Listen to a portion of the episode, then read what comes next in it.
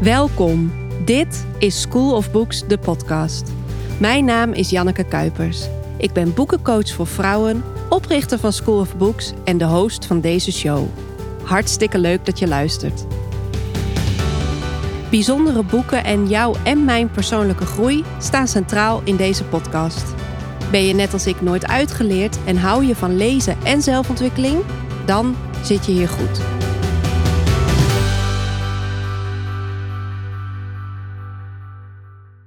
Als je me op Instagram volgt, dan heb je het niet kunnen missen. De eerste week van november zat ik op Ibiza samen met Stephanie en Tessa van Pilates Studio Art of Movement uit Hilversum. Uh, we waren daar met een hele groep en Stephanie en Tessa die waren de uh, begeleiders.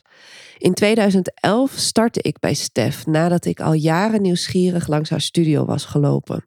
Ik had net een verwijzing van de huisarts gekregen voor een revalidatieprogramma gericht op het managen van chronische pijn. Maar zo'n programma had ik ook al eens gevolgd toen ik uh, een tiener was. En dat was mij niet zo heel goed bevallen, dus ik was sceptisch. Maar op dat moment had ik het gevoel dat ik niks meer te verliezen had. En daarom stapte ik bij Stephanie naar binnen. En dat is een van de beste beslissingen die ik ooit heb genomen. Stephanie is veel meer dan een Pilatesjuf. Zij behandelt je door je bijvoorbeeld te kraken. En ik noem haar altijd gekscherend een wonderdokter, maar wonderdokters bestaan natuurlijk niet. Maar wat haar zo bijzonder maakt, is dat ze naar je hele lijf en je ziel kijkt. En dat ze met haar ingrepen niet de symptomen oplost, maar juist de onderliggende problemen aanpakt. En dit doet ze bijvoorbeeld door uh, te manipuleren, te kraken, zoals ook een manueel therapeut of een orthopeed of een chiropractor doet. Maar het kan ook zijn dat ze je helpt om in een bepaald gebied in je lichaam uh, sterker te worden door te trainen, waardoor je je lijf zelf beter ja, bij elkaar kunt houden, zeg maar. Waardoor je klachten verminderen of zelfs verdwijnen. Toen ik, en dat is nu tien jaar geleden, die Pilatenstudio binnenwandelde, begon ik met een aantal privé-sessies. Dat doet ze eigenlijk altijd met nieuwe klanten, zodat ze de lijf van die klant goed kan leren kennen. En um, na drie sessies was mijn chronische pijn uh, verdwenen. En daardoor heb ik Stephanie vanaf het begin ja, kunnen omarmen en durven vertrouwen. Omdat ik het dus in mijn eigen lijf had gevoeld uh, hoe krachtig haar ja, werkwijze is. En hoe goed haar ja, oog is, zou ik willen zeggen. Dat ze gewoon echt meteen ziet waar ze moet wezen om het probleem op te lossen en niet de symptomen te bestrijden. En we hebben die afgelopen tien jaar samen een heel mooi pad bewandeld. Stephanie is zo iemand die nooit is uitgeleerd. En zij heeft de afgelopen tien jaar allerlei extra opleidingen gedaan. Waardoor ze mij ook nu nog uh, altijd weet uit te dagen om dieper en nog dieper te werken aan mijn lijf. En ergens de afgelopen tien jaar heeft ze besloten dat haar klanten in de studio ook haar shamanistische kant mogen zien. En dit begon met verhalen tijdens de matles over het bouwen van een trommel. En, klein tipje van de sluier, dat ging niet zonder slag of stoot. Zij heeft bij het bouwen van die trommel heel veel weerstand ervaren. En dat deelde ze op een gegeven moment in de studio regelmatig over. En die trommel, waar ze het dus jaren geleden al over had, die gaat ook altijd mee op retreat naar Ibiza. Twee jaar geleden ben ik voor het eerst uh, op retreat gegaan. En toen was ik net geopereerd aan een kieste in mijn hoofd en hals. En ik liep toen rond met heel veel verdriet en negatieve gedachten waar ik graag afstand van wilde nemen. Ik voelde ook heel veel angst. Ik had een lichte aangezichtsverlamming overgehouden aan die operatie en ik was single. En ik was zo bang dat ik nooit iemand zou vinden die van me zou kunnen houden zoals ik op dat moment was. En die trommel vond ik ook echt heel griezelig uh, twee jaar geleden. Omdat die ja, vibraties van dat geluid mijn uh, aangezichtszenuw eigenlijk deed trillen. Dus dat was waarschijnlijk iets heel positiefs. Maar ik vond dat toen echt heel, ja, heel uh, griezelig. En twee jaar geleden heb ik op de laatste dag van de week allemaal stenen gezocht die stonden voor oude pijn en niet helpende patronen waar ik graag afscheid van wilde nemen. En die stenen heb ik toen in de zee gegooid en er zijn foto's van. En verder heb ik vooral geslapen, want ik was uitgeput. Ik heb toen de hele week buiten in het najaarszonnetje liggen slapen op een bank. Was echt heerlijk. En kort daarna ontmoette ik in Nederland mijn vriend Joram, met wie ik nu samenwoon. En ik geloof zeker dat het emotionele werk wat ik toen in Ibiza gedaan heb, mij ja, enorm geholpen heeft om open te kunnen staan voor ja, een, nieuw, een nieuwe relatie en een nieuw begin. In Ibiza heb ik heel veel relatiepijn doorvoeld. En de stukken die mij niet dienden, heb ik toen ja, weggegooid of in gedachten, zeg maar, teruggegeven aan eh, de mensen ja, waar die relatiepijn in was ontstaan. Maar goed, Ibiza november 2021. Wat een wereld van verschil. Ik heb mijn verhaal in vier hoofdstukjes opgeknipt, die in deze aflevering allemaal aan bod komen. Eerst vertel ik jullie over mijn weerstand om te gaan, wat mijn intentie voor de week was en hoe de aankomst was. Daarna vertel ik over de lessen die ik leerde en uh, vervolgens ga ik in op de kracht van taal en hoe ik denk over alle zweverige dingen die ja, in Ibiza me aangereikt werden. En tot slot vertel ik jullie over het totemdier dat Stephanie voor mij gedroomd heeft en waarom ik dolgelukkig ben met wat het nou uiteindelijk geworden is.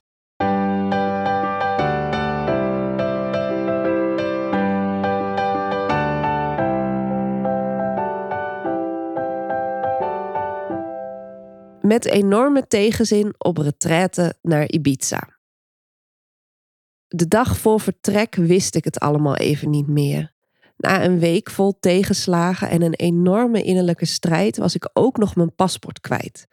En ik ben nogal gestructureerd en geordend, dus als mijn paspoort niet op zijn plek ligt, dan is er reden tot paniek. Het was die week alsof ik van alles over mezelf afriep om maar niet naar Ibiza te hoeven. En dan vraag jij je natuurlijk af, huh? niet naar Ibiza hoeven, ben je wel goed? Ja, ik ben wel goed. Ik wist natuurlijk wel wat mij te wachten stond daar, omdat ik al een keer eerder was geweest en omdat ik weet ja, hoe diep je in zo'n week kunt gaan. Ik herinner me serieus dat de keren dat ik me heb laten opnemen voor therapie eenvoudiger waren dan mezelf dit retreat naar Ibiza gunnen. En dat uitte zich in allemaal hele gekke dingen de dinsdag voor vertrek werd ik bijvoorbeeld ziekig en snotterig wakker. En toen ik negatief op corona bleek, voelde ik, terwijl ik anderhalf jaar lang heel klein en voorzichtig uh, heb geleefd om een besmetting te voorkomen, uh, voelde ik dus teleurstelling. Weer geen goede reden om Ibiza te annuleren. En dat was voor mij zo'n rare um, ja, gewaarwording, zo'n bizarre plot twist, dat ik eindelijk door had dat er iets groters speelde, wat helemaal niet over dat tripje naar Ibiza ging, maar dat vooral iets zei over mij. En toen lukte het me om ja, in te tunen op wat ik eigenlijk voelde. En wat bleek, ik voelde schaamte um, ja, over het vliegen, over het onnodig uh, reizen terwijl we in een pandemie zitten, over het klimaat. Ik wil het liefst zo weinig mogelijk vliegen. En hup, mevrouw stapt in het vliegtuig voor een week naar Ibiza. Ik had heel erg last van schuldgevoel. Um, ja, kan ik dit wel maken ten opzichte van mijn vriend? Kan ik het wel maken om zoveel geld uit te geven aan iets wat ja, ik twee jaar geleden echt, echt nodig had, maar ja, dit keer heb ik en geen baan en eigenlijk ook geen crisis. Dus waarom doe ik dit? En, dat is natuurlijk altijd de onderliggende emotie, denk ik ook. Ik voelde een enorme angst. Wat gaat er gebeuren die week? Wat gaan we aanpakken? Wie ben ik na die week als ik weer allerlei dingen over mezelf heb ontdekt? En uh, terwijl ik aan het zoeken was naar mijn paspoort, vond ik een post-it met een quote daarop. En de quote was: The more important an activity is to your soul's evolution, the more resistance you will feel.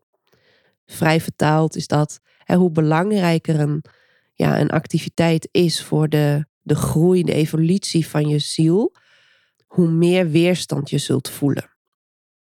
En dankzij deze quote ehm, sloeg eigenlijk mijn angst en weerstand om in een gevoel van ja, anticipatie, zin hebben in, vooruitkijken naar. Ineens was ik naast dat ik me schaamde, schuldgevoel had en angstig was, ook heel nieuwsgierig. Wat zou ik in Ibiza mogen gaan leren, ervaren en loslaten? En dat was vooral het afrekenen met hele hardnekkige valkuilen. Iets wat voor mij maar altijd ingewikkeld blijft, is dat ik zo hard werk. Dat ik zo eenvoudig over mijn grenzen ga. Dat ik altijd dingen buiten mezelf eigenlijk belangrijker vind dan mijn eigen welzijn. En dus dat hele strenge. En ik wilde ook die week onderzoeken wat de overgang van ja, eigenlijk een mentaliteit van time management naar energiemanagement voor mij zou betekenen. En wat ik daarmee bedoel is dat je, je kan enerzijds heel erg gericht zijn op productiviteit, structuur, het afvinken van je to-do-lijstjes. En dat geeft je dan een gevoel van uh, voldoening en controle. Maar je zou ook kunnen kijken naar, hey, vandaag is het maandag, vandaag zit ik zo in de wedstrijd. Ik heb hier wel mijn takenlijst, maar wat is vandaag voor mij haalbaar? En die hele milde manier van uh, mijn dagen en dus mijn leven invullen, spreekt mij ongelooflijk aan. Maar door die valkuilen die, in, ja, die ik altijd ervaar, blijft dat ongelooflijk ingewikkeld. En daar wilde ik met Stephanie uh, mee aan de slag. Ik vloog op zondag en ik zat alleen in die vlucht. En toen ik uit de, toen ik mijn koffer had opgehaald en zo, weet je, door die deuren op het vliegveld naar buiten liep, stond de hele groep daar al op mij te wachten. En dat was meteen een heel gezellig uh, welkom. Lieve mensen kon ik meteen zien. En uh, ik had meteen met wat mensen een leuk praatje. Ik herkende ook een paar mensen van uh, het Pilatessen in Hilversum in de studio. En we verdeelden onszelf over de verschillende auto's en we reden naar de villa. Daar kwam ik erachter dat ik een prachtige privékamer had, die ook best wel een beetje afgelegen lag. Ik heb bijvoorbeeld een eigen trap, waardoor ik ja, in die kamer echt helemaal mijn eigen domeintje had. En daar was ik heel dankbaar voor, want een week in zo'n groep is best heel intensief. En het is natuurlijk ook nog een week met ja, een, een programma. Dus als je dan momenten voor jezelf hebt, dan is het ook fijn dat je echt even uit contact kan gaan. Tenminste, dat is voor mij heel belangrijk. En Stephanie en Tessa weten dat natuurlijk. Dus, nou, fantastische kamer. En daar lag ook um, het programma klaar. En wat we eigenlijk de hele week hebben gedaan, is dat we ochtends, meestal was het om acht uur, nee, half negen, dat we eerst een half uur in een kring uh, gingen mediteren. En uh, na die meditatie stond er dan een ontbijtje klaar. En dan was er daarna de tijd om je nog even om te kleden of even mentaal voor te bereiden. En dan begon de eerste uh, Pilates training. En dat waren lange sessies van wel anderhalf tot twee uur. En dan op een gegeven moment uh, na die Pilates sessie uh, was er een heerlijke lunch. Dat was in een buffetvorm. Dus daar kon je echt lekker opscheppen waar je op dat moment behoefte aan had. En dan is er eigenlijk, was er de hele middag eigenlijk geen programma, maar kon je wel uh, privé-sessies boeken bij Tessa en Stephanie. Tessa die masseert en geeft ook pilates. En Stephanie die deed dan of een craniosacraal behandeling met je, een privé-sessie pilates om te trainen, of een uh, meer een behandelende sessie um, waarin je bijvoorbeeld gekraakt uh, werd. En natuurlijk al het bovenstaande kon ook soort van in elkaar overlopen. Dus um, ik heb met Stef uh, deze week twee keer een privé-sessie gehad. waarin we van alles wat hebben uh, gecombineerd, omdat het zich dan op dat moment aandiende. Um, verder kon je ook die week nog massages boeken bij Stephanie en um, Tessa. Dus uh, nou, echt smullen, denk ik, als je dit zo hoort. En dan gingen we om half acht of zo was het diner. En dat kreeg je geserveerd op een bord opgemaakt. Dus dat uh, was weer echt anders dan de lunch. En diner aten we ook eigenlijk altijd samen op. In de eerste paar dagen konden we nog buiten eten. En uh, woensdag, geloof ik, sloeg het weer om. En toen hebben we de laatste avonden steeds binnen gegeten rondom de open haard. Dus dat was ook fantastisch eigenlijk. En er was voor ons speciaal een uh, privékok um, ingevlogen, wilde ik zeggen. Maar zij woont op Ibiza, dus ze was helemaal niet ingevlogen. Maar er werd dus echt super gezond en vers en um, seizoensgebonden gekookt. Dus ja, die hele week ben je gewoon voorzien. Je hoeft niet na te denken over de praktische dingen die je in het dagelijks leven bezighouden. En daardoor kun je volledig uh, ja, je focussen op je, je eigen persoonlijke reis. Ja, het was echt uh, goddelijk. En wat denk ik goed is om nog eventjes te zeggen is... er waren een aantal mensen in de groep die heel erg bewust kwamen... omdat ze net als ik hè, iets ergens mee zaten en daar graag um, afscheid van wilden nemen. Of in ieder geval uh, stappen in wilden zetten. Maar er waren ook mensen die gewoon houden van lekker eten. Het zonnetje nog even meepakken in november. En lekker trainen. Dus het is niet zo dat iedereen daar met, hele, met een heel zwaar gemoed of zo binnenkwam. Helemaal niet. Oh ja, en ik vergeet nog iets. Um, voor het avondeten was er ook nog elke avond een restore and release les. Die gaf uh, Tessa. En dat is een les van volgens mij anderhalf uur. Waarin je met uh, ballen en andere props eigenlijk de zuurheid de hele tijd uit je lijf aan het rollen bent. En dat is echt een martelles. Maar dat voelt heerlijk. Omdat je natuurlijk die Pilates trainingen elke dag uh, doet. En dat is vrij nieuw voor je lijf. Dus er bouwt ook heel wat zuur op. Maar ook omdat je dus ja, zo'n reis aan het maken bent mentaal. En ik geloof er heilig in dat je lichaam een geheugen heeft en dingen opslaat. Dus het is heel, een hele krachtige combinatie. Dat je ook in die week dus vier of vijf keer anderhalf uur werkt aan het ja, uitrollen van vooral de meest pijnlijke plekken in je lijf. En op die eerste avond kwamen we aan, ontdekte ik dus dat ik die prachtige kamer had. Ik was helemaal tevreden over de groep. En toen begonnen we de week ook met een meditatie. Dus dat was uh, die zondagavond. En uh, tijdens die meditaties wordt er een kaartje getrokken. Of werden er twee kaarten getrokken uit twee verschillende kaartdecks. De Animal Spirit Guide deck hebben we gebruikt en de Inner Compass cards. En nou, ik vind dat twee hele mooie decks. En die kende ik dus ook al van twee jaar geleden. Um, en de eerste kaart die getrokken werd was de Adelaarkaart. En uh, ik zal even voorlezen waar die voor staat. Het is tijd om je visie helder te krijgen. Gebruik hiervoor de krachten van de adelaar. Hij is de boodschapper tussen hemel en aarde. Hij is vrij, overziet de wereld en stemt zowel zijn richting als zijn snelheid af op wat er is. Deze kaart spoort je aan om verantwoordelijkheid te nemen voor jezelf en het leven. Net als een adelaar kun je vanaf grote hoogte overzicht verkrijgen om je visie te bepalen. Je bent als vrij en onafhankelijk wezen in staat om te bepalen waar je heen wilt.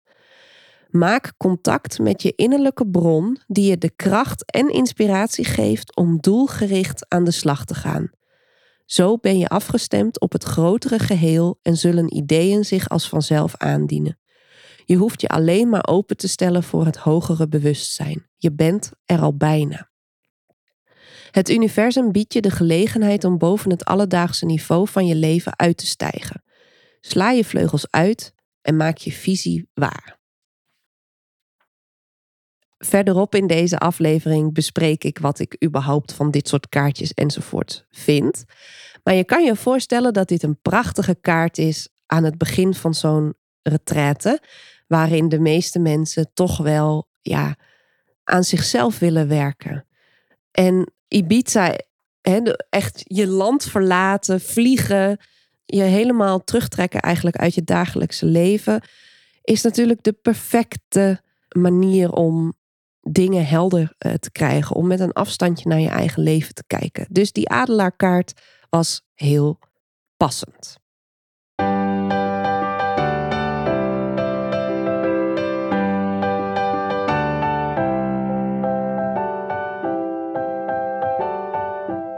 Schatgraven in mijn lichaam.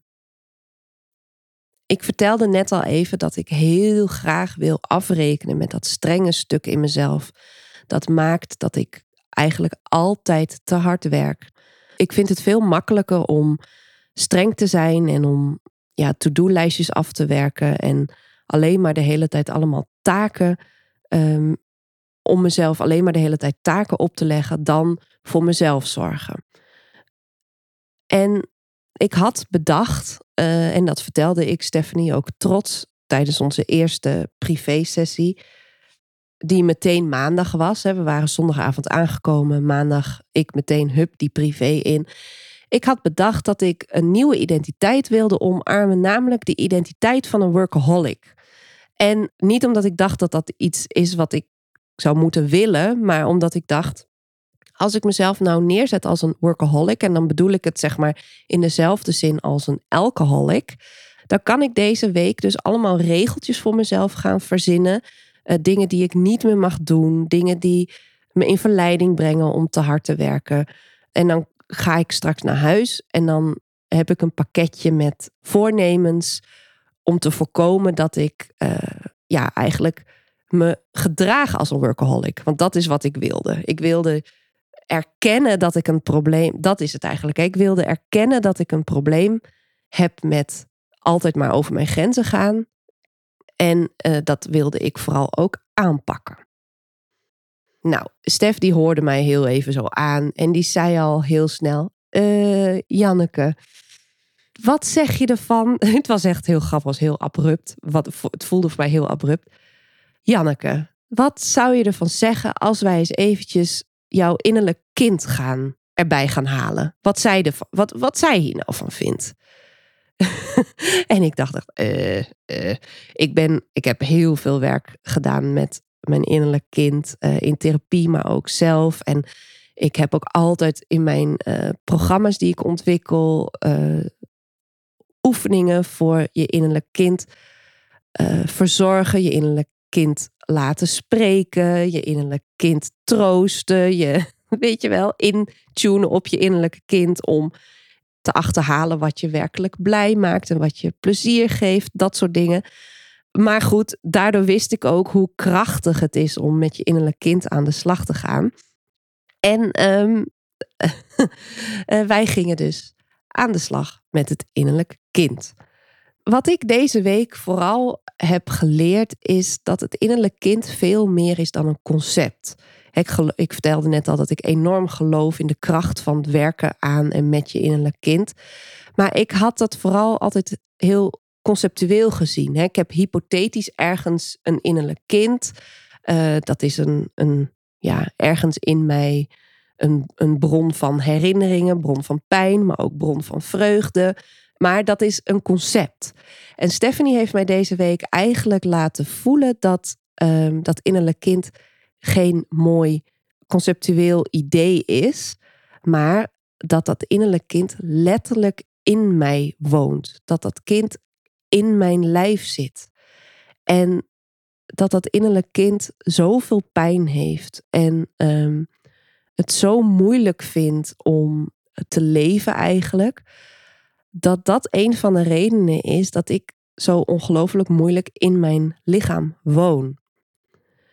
En nu denk je misschien als je een beetje zelf ook al werk hebt gedaan met je innerlijk kind, ja, de. Maar ik had gewoon nog nooit dat innerlijk kind zo heel erg in mijn lijf geplaatst. Ik vond het een mooi concept. En het conceptuele is veilig. Het kun je heel uitdagend maken. En het is ontzettend afleidend. Want zodra ik moet voelen in mijn lijf, dan voel ik dat um, het zwaar en moeilijk. En ja, in je lijf zitten is ook tijdrovend. Hè? Dan moet je, moet je voor dat lijf zorgen, elke dag opnieuw. En het is heel erg pijnlijk. En ik vind het dus heel makkelijk om boven mijn lijf onstoffelijk rond te zweven. Dat klinkt nu een beetje raar misschien, maar ik denk dat je wel begrijpt wat ik bedoel. Het is soms veel makkelijker om in je hoofd de hele tijd uh, te wonen dan om ja, die verbinding te leggen tussen je hoofd en je gevoel. En Stephanie en ik kwamen er door oefeningen eigenlijk uh, achter dat ik als klein meisje al heb geleerd dat mijn lichaam eigenlijk één grote bron van ellende en pijn is. En ik heb ook uh, gezien toen ik opgroeide dat uh, de volwassenen om mij heen hun lichaam eigenlijk ook alleen maar als ja, bron van pijn en ongemak hebben gezien. Dus dat ik het lastig vind om uh, bijvoorbeeld ja, elke dag uh, te douchen. Of omdat dat ik het frustrerend vind dat je altijd maar weer die nagels moet knippen en zo. Dat, dat zit er dus al van jongs af aan in. En uh, Stephanie die heeft mij toen uitgedaagd om de hele week heel bewust op pad te gaan met mijn innerlijke kind en om haar te leren verzorgen. En dat mocht ik doen door bijvoorbeeld mezelf aan te raken. Niet alleen hup, hup, hup, zeep erop, zeep eraf, schoon, maar liefdevol aanraken. Door bewust in gesprek te gaan met dat innerlijk kind, door haar te vertellen dat het nu veilig is. En om ook te luisteren naar uh, wat ze zou zeggen. Dus als ik geen zin zou voelen, dan had ik geen zin. En dan hoefde ik daar niet overheen te knallen met mijn discipline, maar dan mocht ik daar gewoon naar luisteren. Dat soort dingen. Nou, dat was allemaal niet heel wereldschokkend. Heb ik allemaal wel vaker gedaan. Maar blijkbaar moest ik in deze nieuwe, moet ik in deze, ja, moest ik in deze nieuwe fase van mijn leven uh, weer op pad met mijn innerlijk kind. En het grote verschil met alle eerdere keren was dus dat ik dit keer echt steeds tegen mezelf zei: Hè? Kleine Janneke, jij zit in mij. Jij zit in mij. In plaats van dat ze ergens in een soort van spreekwolkje boven mij hing. En eigenlijk begon die week dus best wel ja, liefdevol. Dat innerlijk kind, dat was eigenlijk alleen maar fijn om daar weer eens mee aan de slag te gaan.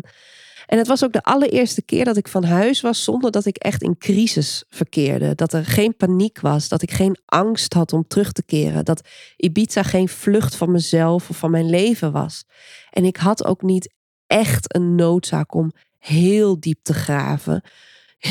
ik heb nog geappt naar mijn vriend. Uh, een mens heeft geen retraite nodig met iemand zoals jij. Maar tegelijkertijd, hè, dat harde werken, dat, dat, die hardnekkige patronen. Ik ben nou inmiddels 36. Het werd natuurlijk wel tijd om daar afscheid van te nemen. Maar er was nu geen dikke crisis.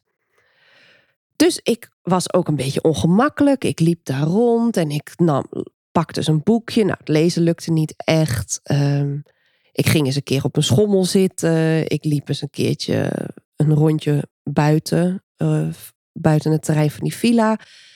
En ik dacht echt, ja, nu heb ik dus vakantie. Nu hoef ik niks. Wat raar. Heel raar. En ook wel, ik wou dat ik uh, thuis was, want thuis is het gezellig. Weet je, dat soort dingen. En toen gebeurde er iets heel moois op woensdag. Wij hadden s ochtends weer die meditatie gehad. Er waren weer kaartjes getrokken, was weer mooi.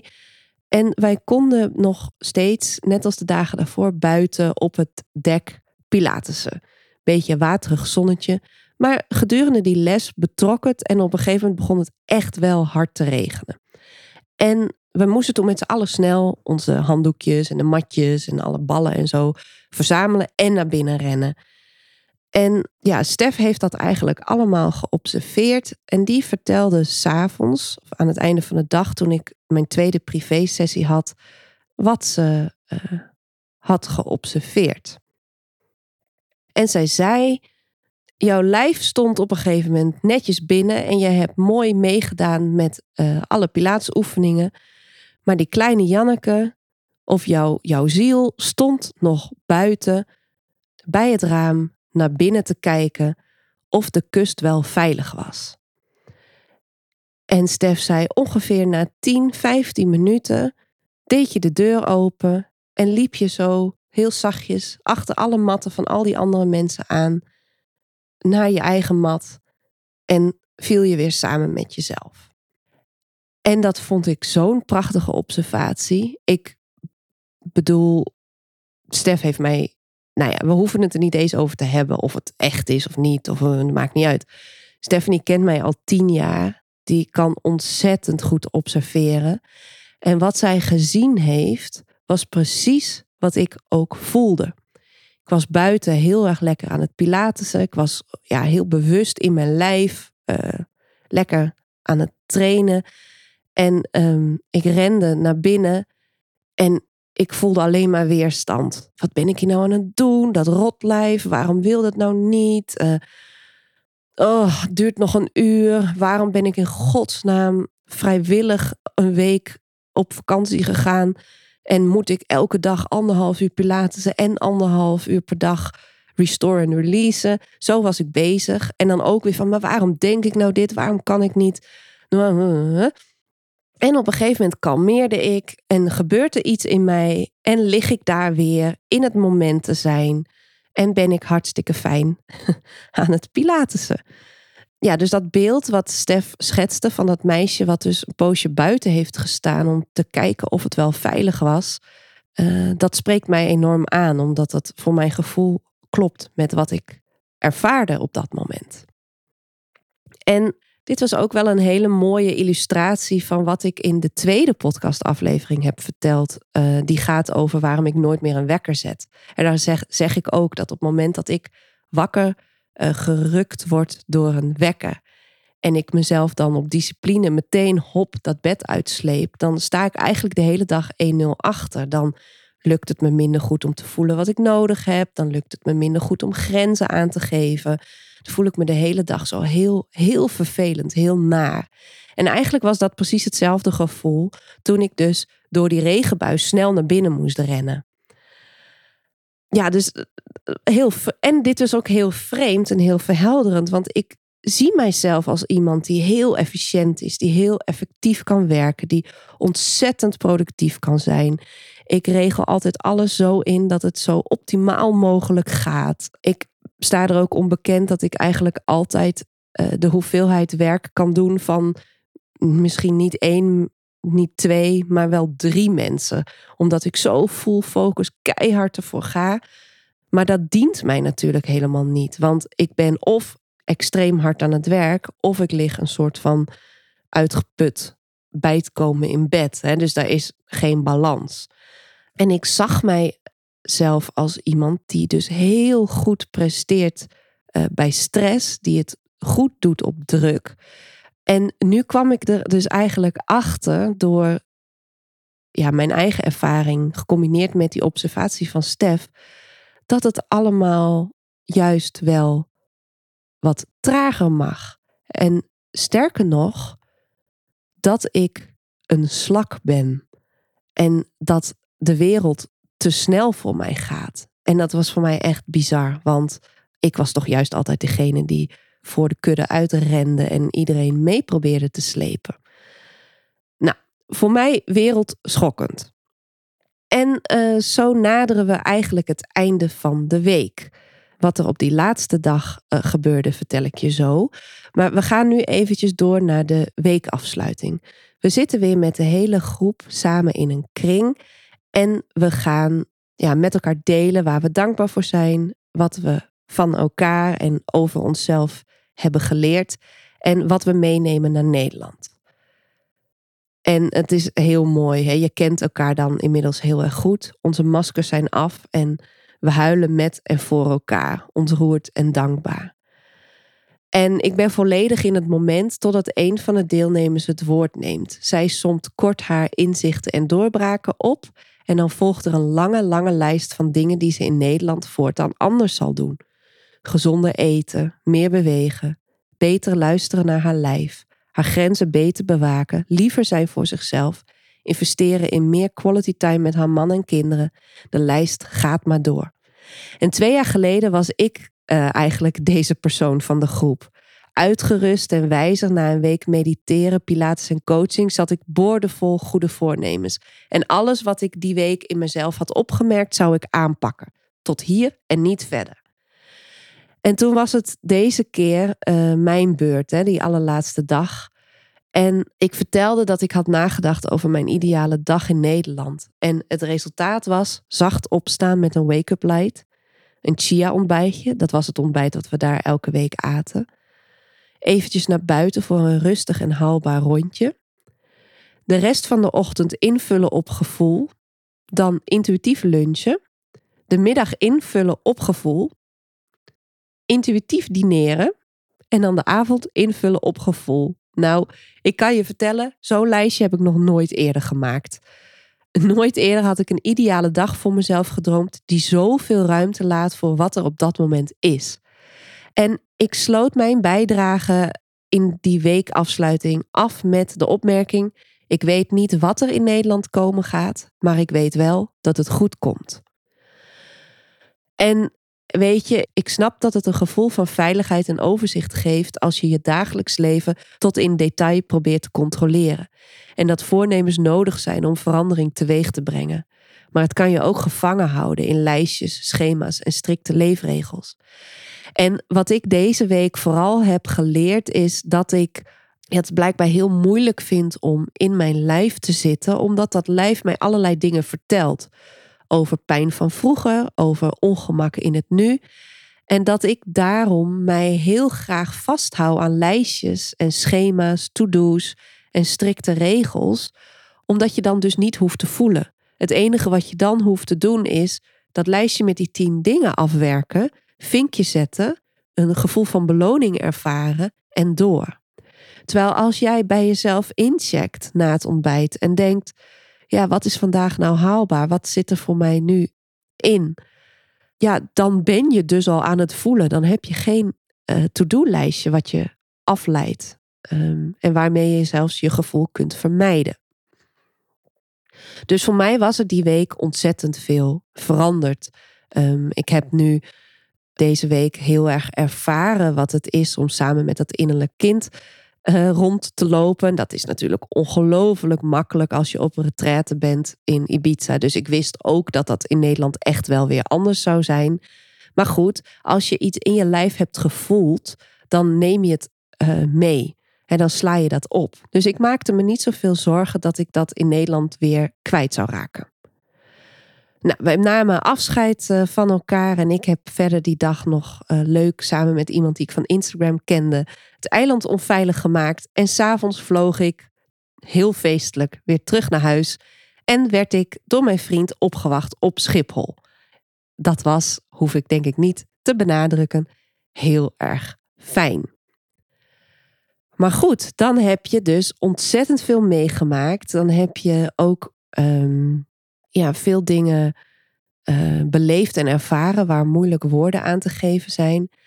En dan blijkt ook hoe ongelooflijk zweverig eigenlijk alles was die week. En daar gaat het volgende stuk van deze aflevering over.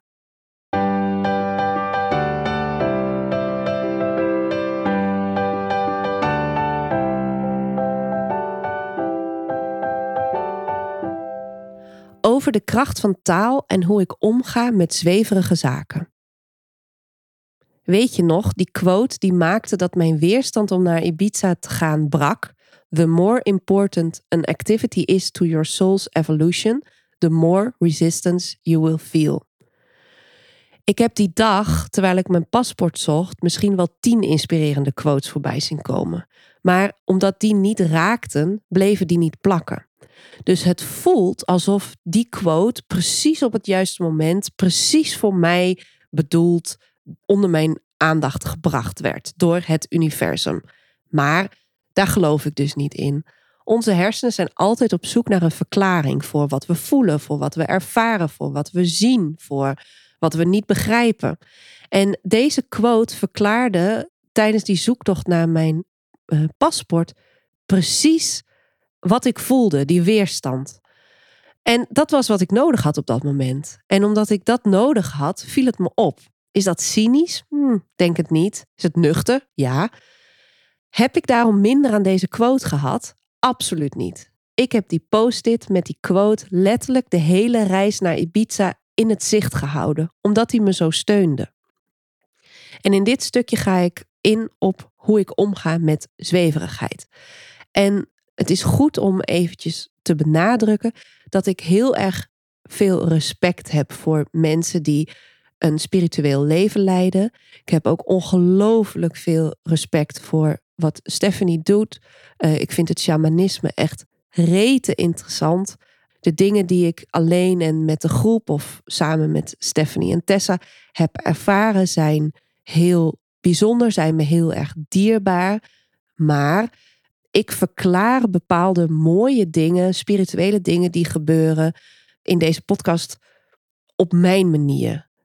Dus dit gaat over mij. En ja, dit zou kunnen wijzigen in de toekomst. Want twee jaar geleden vond ik bijvoorbeeld het geluid van de trommel van Stephanie heel eng.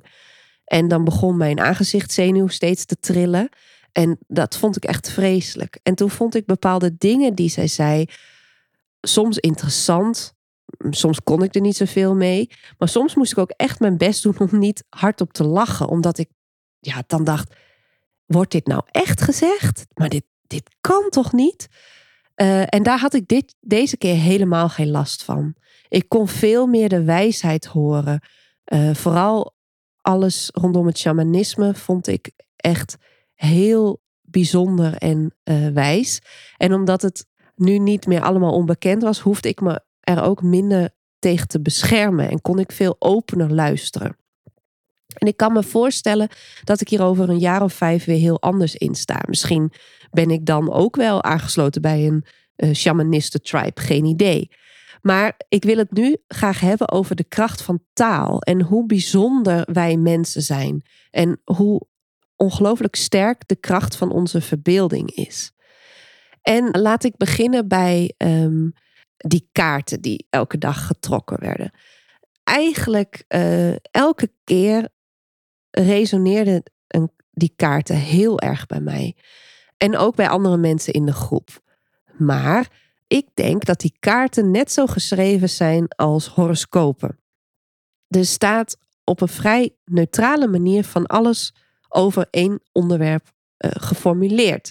En wij mensen zijn veel minder uniek dan we denken. Dus iedereen heeft issues met zichtbaar zijn. Of iedereen heeft issues met grenzen aangeven. En iedereen uh, vindt de liefde eng en kwetsbaar.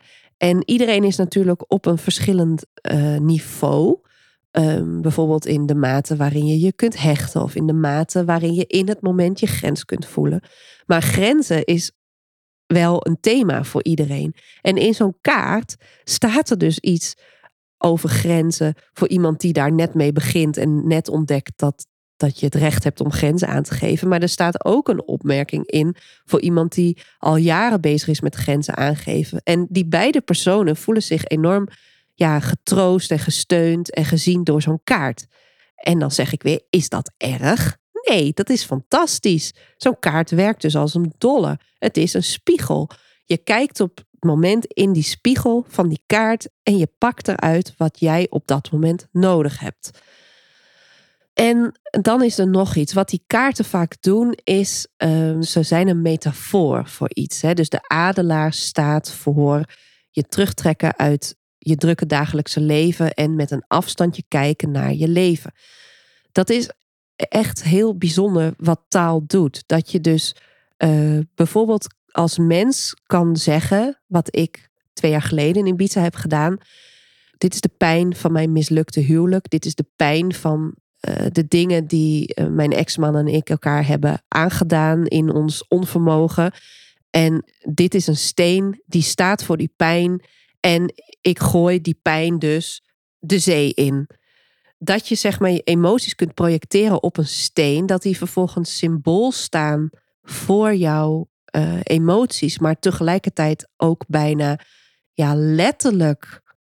Hè, dat die steen dat vervolgens letterlijk voelt als jouw pijn. En dat je dus letterlijk, ja, het is dus niet letterlijk, het is dus figuurlijk, maar goed, dat je die pijn vervolgens die zee inflikkert. Ja, dat is zo ongelooflijk uniek aan het mens zijn. Het is zo bijzonder. Daar moet je gewoon je voordeel mee doen. En of je nou gelooft dat het het universum is die zorgt dat jij die dag uh, de juiste kaart trekt. Of omdat jij uh, gelooft dat die kaarten gewoon precies goed geformuleerd zijn. Waardoor iedereen er eigenlijk altijd op het juiste moment uithaalt wat er voor hem of haar in staat. Prima. maakt wat mij betreft niet uit. En die kracht van taal uh, werkt niet alleen met spirituele zaken, het werkt ook heel fysiek. Als we weer eventjes teruggaan naar Pilates. Er is een uh, meneer, Eric Franklin, die de Franklin-methode heeft ontwikkeld, die jou helpt uh, door middel van beeldtaal om Pilates-oefeningen of ja, gymnastiek oefeningen, zeg maar, um, nauwkeurig uit te voeren. Wat hij bijvoorbeeld uh, doet, is bijvoorbeeld zeggen als je met je nek- en schoudergebied bezig bent: van stel je eens voor dat er een heliumballon aan je hoofd um, vastzit. En die heliumballon die trekt je steeds gewoon heel zachtjes een beetje omhoog, omdat uh, dat is nou eenmaal wat een heliumballon doet. En op het moment dat Stephanie dus zo'n beeld in de les inbrengt, zie je gewoon iedereen net een beetje meer opstrekken. En uh, ja, wij zitten dus ook regelmatig oefeningen te doen, waarbij Stephanie roept: Ja, je hebt twee voetjes aan je zitpotten. Hup, voetjes naar, voetjes naar de mat. Of um, uh, die lange drakenstaak, rijk hem naar de muur, rijk hem naar de muur. En ja, ik geloof eigenlijk dus dat uh, beeldspraak, metaforen ontzettend krachtig zijn. Hè? Ze doorbreken ook soms je eigen onvermogen, je eigen onvermogen om naar binnen te kijken of om te voelen wat er in je lijf nodig is. Want ik kan uh, mijn schouders uh, willen losrollen en ik doe dat. En ik doe dat echt op een manier dat ik denk, zo hoort het. Uh, maar als Stef vervolgens zegt van ehm, Bedenk nou eens dat je schouder en je schouderkop, zeg maar, een, een kommetje met olie zijn. En nu ga je heel voorzichtig die olie zo een beetje heen en weer draaien. En zo ga je voorzichtig je hele um, schoudergewricht invetten en masseren. Dan verandert plotsklaps die beweging die je met je schouder maakt compleet. Dus, nou, je hoort het, ik ben fan het tweede rondom spiritualiteit wat ik wil um, bespreken is wat er die laatste dag uh, gebeurde. Op het retreat gaan we altijd de laatste dag naar Esvedra. En Esvedra is een plek die ook op het uh, werelderfgoedlijstje staat, die al honderden, misschien zelfs wel duizenden jaren uh, gezien wordt door spirituele mensen als een magische plek waar heel veel magnetische straling is en um, ja, een magische plek. En ik geloof daar eigenlijk niet in. En toch, twee jaar geleden, toen ik met Stephanie en de rest van de groep naar boven liep, zakte ik op een gegeven moment in die weg naar boven door mijn benen. Ja, wat gebeurt er op dat moment? Geen idee. Is het belangrijk? Nee. Mijn benen, ik had het al eventjes over die chronische pijn, is een heel groot ding in mijn leven. Ik heb als kind ook in de rolstoel gezeten. Ik heb altijd heel veel pijn gehad.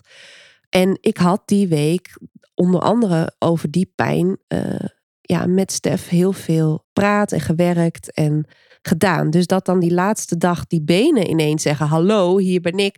Dat was wat dat betreft voor mij geen verrassing. Deze keer gebeurde er niks in mijn benen. Ik liep weer uh, naar die Esvedra. En ik zat daar en ja, het is daar prachtig. En ik dacht, ja, eigenlijk geloof ik wel, geloof ik er wel in dat deze plek magisch is. Maar ik geloof er niet in omdat er een of ander magnetisch veld is. Of, maar ik geloof erin dat uh, er plekken in de natuur zijn waarin je je heel klein en nietig kan voelen. ik denk dat je dat in San Francisco ook hebt bij die gigantische eeuwenoude bomen. Je kan dat hebben als je in Oostenrijk door de bergen wandelt. En ik denk dat je in Esvedra heb ik zo'n soortgelijke ervaring. Ik voel me daar klein en nietig. Ik ben vol ontzag voor de schoonheid van de natuur. En dat, voor mij, is magie. Ik heb die dag vertrouwen gemanifesteerd. Ik voelde het al, hè, ik heb het ook al eventjes verteld, dat ik heb gezegd van ik weet niet wat er in Nederland gaat gebeuren, maar ik geloof en ik weet dat het goed komt. Terwijl ik dacht dat ik deze week naar Ibiza ging om te breken met van alles. Hè. Ik ben een workaholic. Ik moet mezelf uh, voortaan uh, met strenge regels uh, behoeden tegen dat overwerken. Dat soort dingen. Nee. Ik heb um, deze week gewerkt aan het ja, achterhalen van waarom ik altijd zo hard voor mezelf ben. Waarom ik zo graag niet in mijn lijf zit. En door dat alleen al te begrijpen, had ik eh, die hele lijst met strenge regels in Nederland niet nodig. Het enige wat ik ehm, als voornemen mee heb genomen is om het chia-ontbijtje in Nederland vol te houden. Omdat ik gewoon al jaren een slechte ontbijter ben. En uh, dat chia-ontbijtje zet je s'avonds klaar en is dan s ochtends echt perfect. En het vult goed. Uh, um, dus ik dacht, nou, daar moet ik gewoon mijn voordeel mee doen. Al eindelijk dat gezeur met die beschuitjes met vlokken achter de rug. Die maken dat ik na drie kwartier alweer een hongerklop heb. Dus uh, ik ging met alleen mijn chia-ontbijtje op zak terug naar Nederland.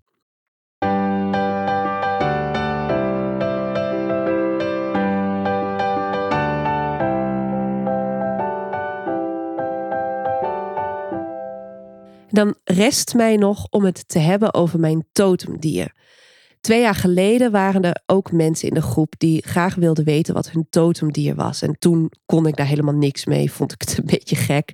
Maar nu had ik vooraf al wel besloten dat ik het uh, wel wilde weten. En ik had nog tegen mijn vriend gezegd: Zul je net zien dat ik een fruitvliegje ben of zoiets? Iets heel sneus. En wat blijkt, Stephanie heeft dus mijn totemdier voor mij gedroomd. En ik ben een slak dat totemdier dromen klinkt dus weer heel erg vaag en heel erg zweverig. Ik zie het als het resultaat van alle informatie die Stephanie de afgelopen tien jaar over mij verzameld heeft, in combinatie met al haar kennis over het shamanisme. Dus ik geloof niet dat er een of andere magische universele kracht is die nu besloten heeft dat ik een slak ben. Ik geloof wel dat Stef in al haar wijsheid gezien heeft dat het uh, dier wat mij het meest kan helpen in mijn pad een slak is. En het mooie is wat ze erbij vertelde. Um, vertragen, Janneke, is jouw medicijn voor jezelf en jouw medicijn voor de wereld. En zij heeft eigenlijk nog helemaal niks meegekregen van School of Books. Want uh, ja, ik ben nog maar heel kort bezig, ben nog maar relatief kort zichtbaar. Um, en wat zij zegt is zo ontzettend waar. Ook voor alle dingen die ik al heb ingezet voor School of Books.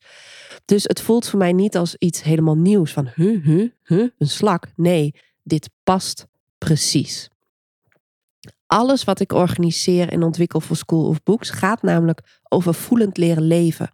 Of je nu oefent met verstillen, op zoek bent naar momenten van puur plezier, of werkt aan een gezonde lees- en wandelroutine.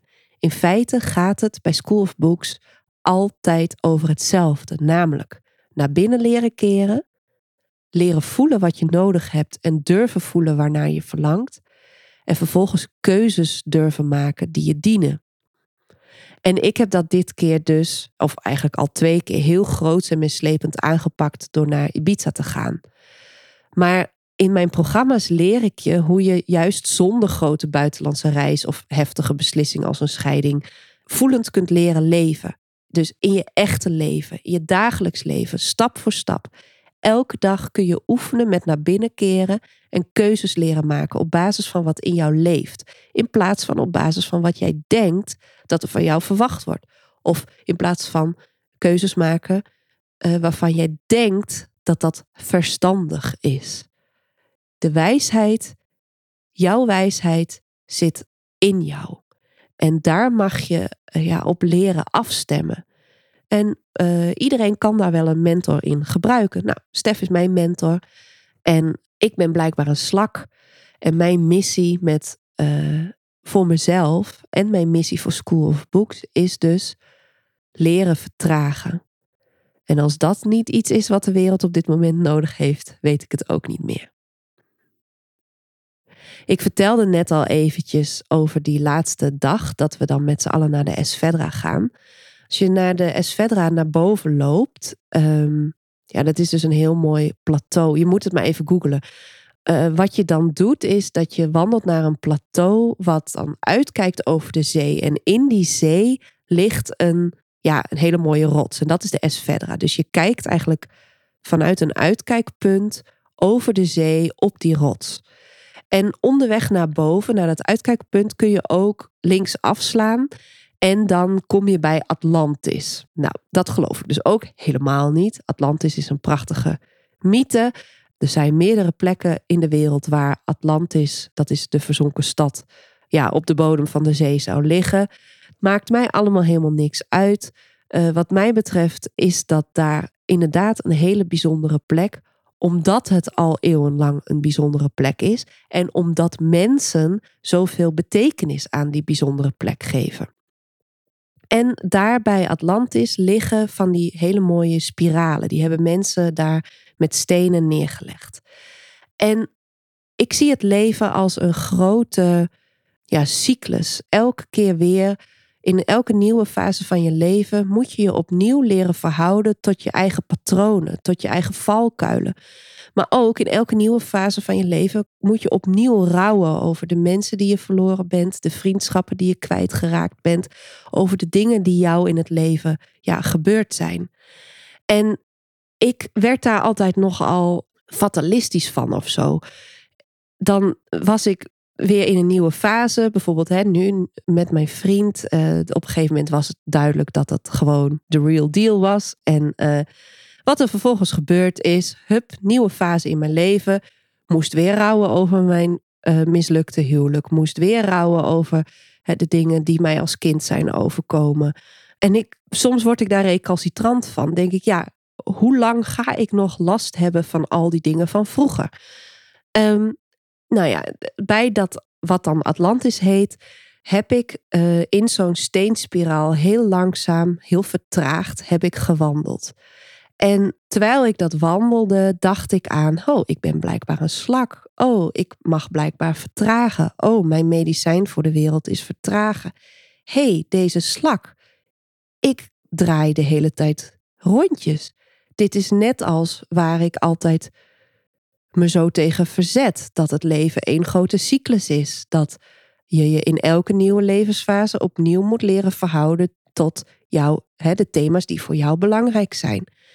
En zo liep ik heel langzaam, heel langzaam. En op een gegeven moment kom ik in bij het hart van die spiraal. En wat ik daar zie, is eigenlijk één grote chaos. Daar liggen de stenen niet mooi in muurtjes, zeg maar. Hè? Maar daar ligt gewoon, liggen allemaal stenen. En er liggen allemaal dingen die mensen daar hebben neergelegd, hebben geofferd. En ik had een klein geel bloempje in mijn hand. En ik kom in dat hart en ik kijk en ik zie chaos, rommel, troep. Uh, het regende keihard op dat moment. Dus alles was nat en glibberig. En ik leg op de middelste steen leg ik mijn kleine gele bloempje. En uh, ja, die metafoor van die hele situatie, die heeft mij doen inzien dat het leven is één grote cyclus, omdat het in de kern één grote chaos is. Het leven is willekeur. je kunt hartstikke ziek worden. Je kunt in een rijk gezin geboren worden. Je kunt uh, als kind hele nare dingen uh, meemaken. Je kan geboren worden in het rijkste land van de wereld of in het armste land van de wereld. Je hebt je niks over te zeggen. Het leven komt zoals het komt.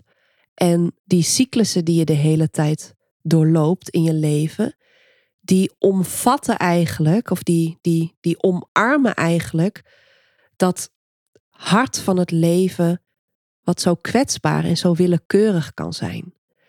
En in dat hart had ik dus een heel klein kwetsbaar geel bloempje neergelegd. En dat zag er wonderschoon uit, te midden van, weet je wel, zakdoekjes die pulperig waren geworden door de regen en een oud verweerd knuffeltje en wat oude munten lagen er. En toen dacht ik, met die cyclus omarm ik eigenlijk ook mijn kwetsbaarheid, die teerheid, de teerheid van het leven. En dus elke keer opnieuw die nagels moeten knippen. En elke keer weer opnieuw voor jezelf moeten zorgen. En elke keer opnieuw uh, ziek zijn en beter worden. Depressief zijn en weer opknappen. Het, het is het leven en het omarmt juist het, ja, het allerteerste wat we hebben. En dat is het leven zelf. En ik weet niet of het helder is op deze manier. Want ehm, het was zo'n groot gevoel. Het was voor mij zo'n ontzettend groot antwoord op wat zijn we hier in godsnaam met z'n allen de hele tijd aan het doen? What the fuck? Als je elke keer als je in een nieuwe fase in je leven komt, je moet leren verhouden tot je, alle thema's die voor jou belangrijk zijn. Wie heeft dat bedacht? Wat een ongein. En sinds ik die dag bij de Esvedra en op Atlantis had, zie ik het compleet anders. Ik doorloop elke keer opnieuw die cycli, die thema's die voor mij belangrijk zijn. En daarmee koester ik eigenlijk het allermooiste wat we hebben, namelijk het leven. Nou, ik hoop dat je geïntrigeerd bent. En ik hoop natuurlijk ook dat ik duidelijk ben geweest. Ik wil je even wijzen op mijn nieuwsbrief. Als je dit nou heel inspirerend vond, dan wil ik je aanraden om je te abonneren op mijn nieuwsbrief. Daarin hou ik je elke maand op de hoogte van uh, nieuwtjes, nieuwe inzichten. Ik geef leuke boekentips, dat soort dingen. Ik vertel over de lancering van mijn programma's. Maar wat ik ook doe, ik verloot iedere maand een gratis coachcall van 45 minuten ter waarde van 79 euro onder al mijn abonnees. Dus als je dit heel interessant vond en met mij wil sparren over Ehm, wat vertragen voor jou betekent, of wat jouw grootste struikelblok op het gebied van verstillen is, of als je vast bent gelopen in een bepaalde belemmerende overtuiging, of als je ervaart dat iets jou weerhoudt om naar binnen te keren en af te stemmen op je intuïtie, dan kun je dus een coachcall met mij winnen, of in boeken mag je natuurlijk zelf weten. Um, dus ga naar schoolofbooks.nl schuine streep nieuwsbrief. Schrijf je in en mis niets. En wie weet spreek ik je snel. Tot de volgende.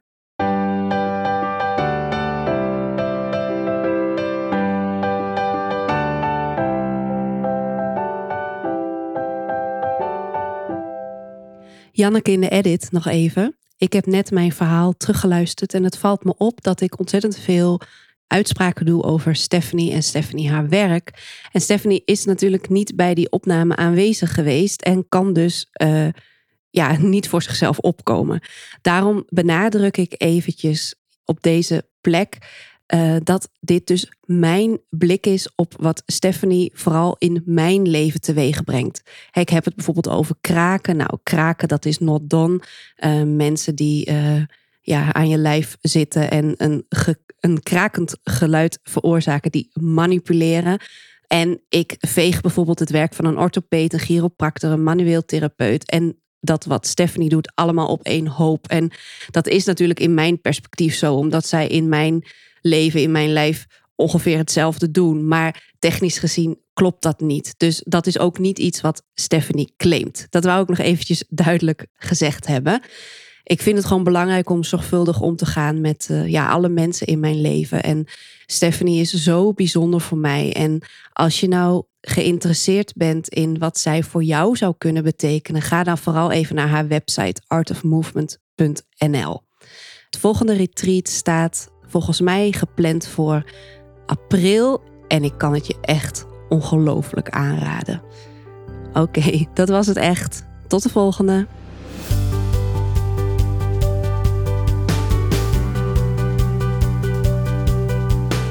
Fijn dat je er weer bij was. Zo aan het einde van deze show heb ik nog twee belangrijke dingen om met je te delen. Deze podcast wordt beter vindbaar voor anderen als jij je abonneert. Ik wil graag zoveel mogelijk boekenliefhebbers en zelfontwikkelingsenthousiastelingen bereiken.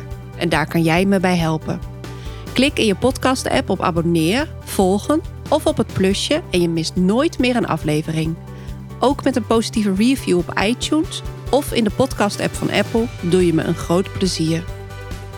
Het is en blijft bijzonder als luisteraars iets van zich laten horen.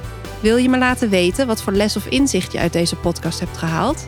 Is er iets wat je raakte? Of heb je een boekentip? Stuur een mail naar janneke.schoolofbooks.nl of DM me via Instagram. Ik zal nooit iets delen zonder jouw toestemming, dus daar hoef je niet bang voor te zijn. Mijn volledige contactgegevens vind je in de show notes. Tot de volgende!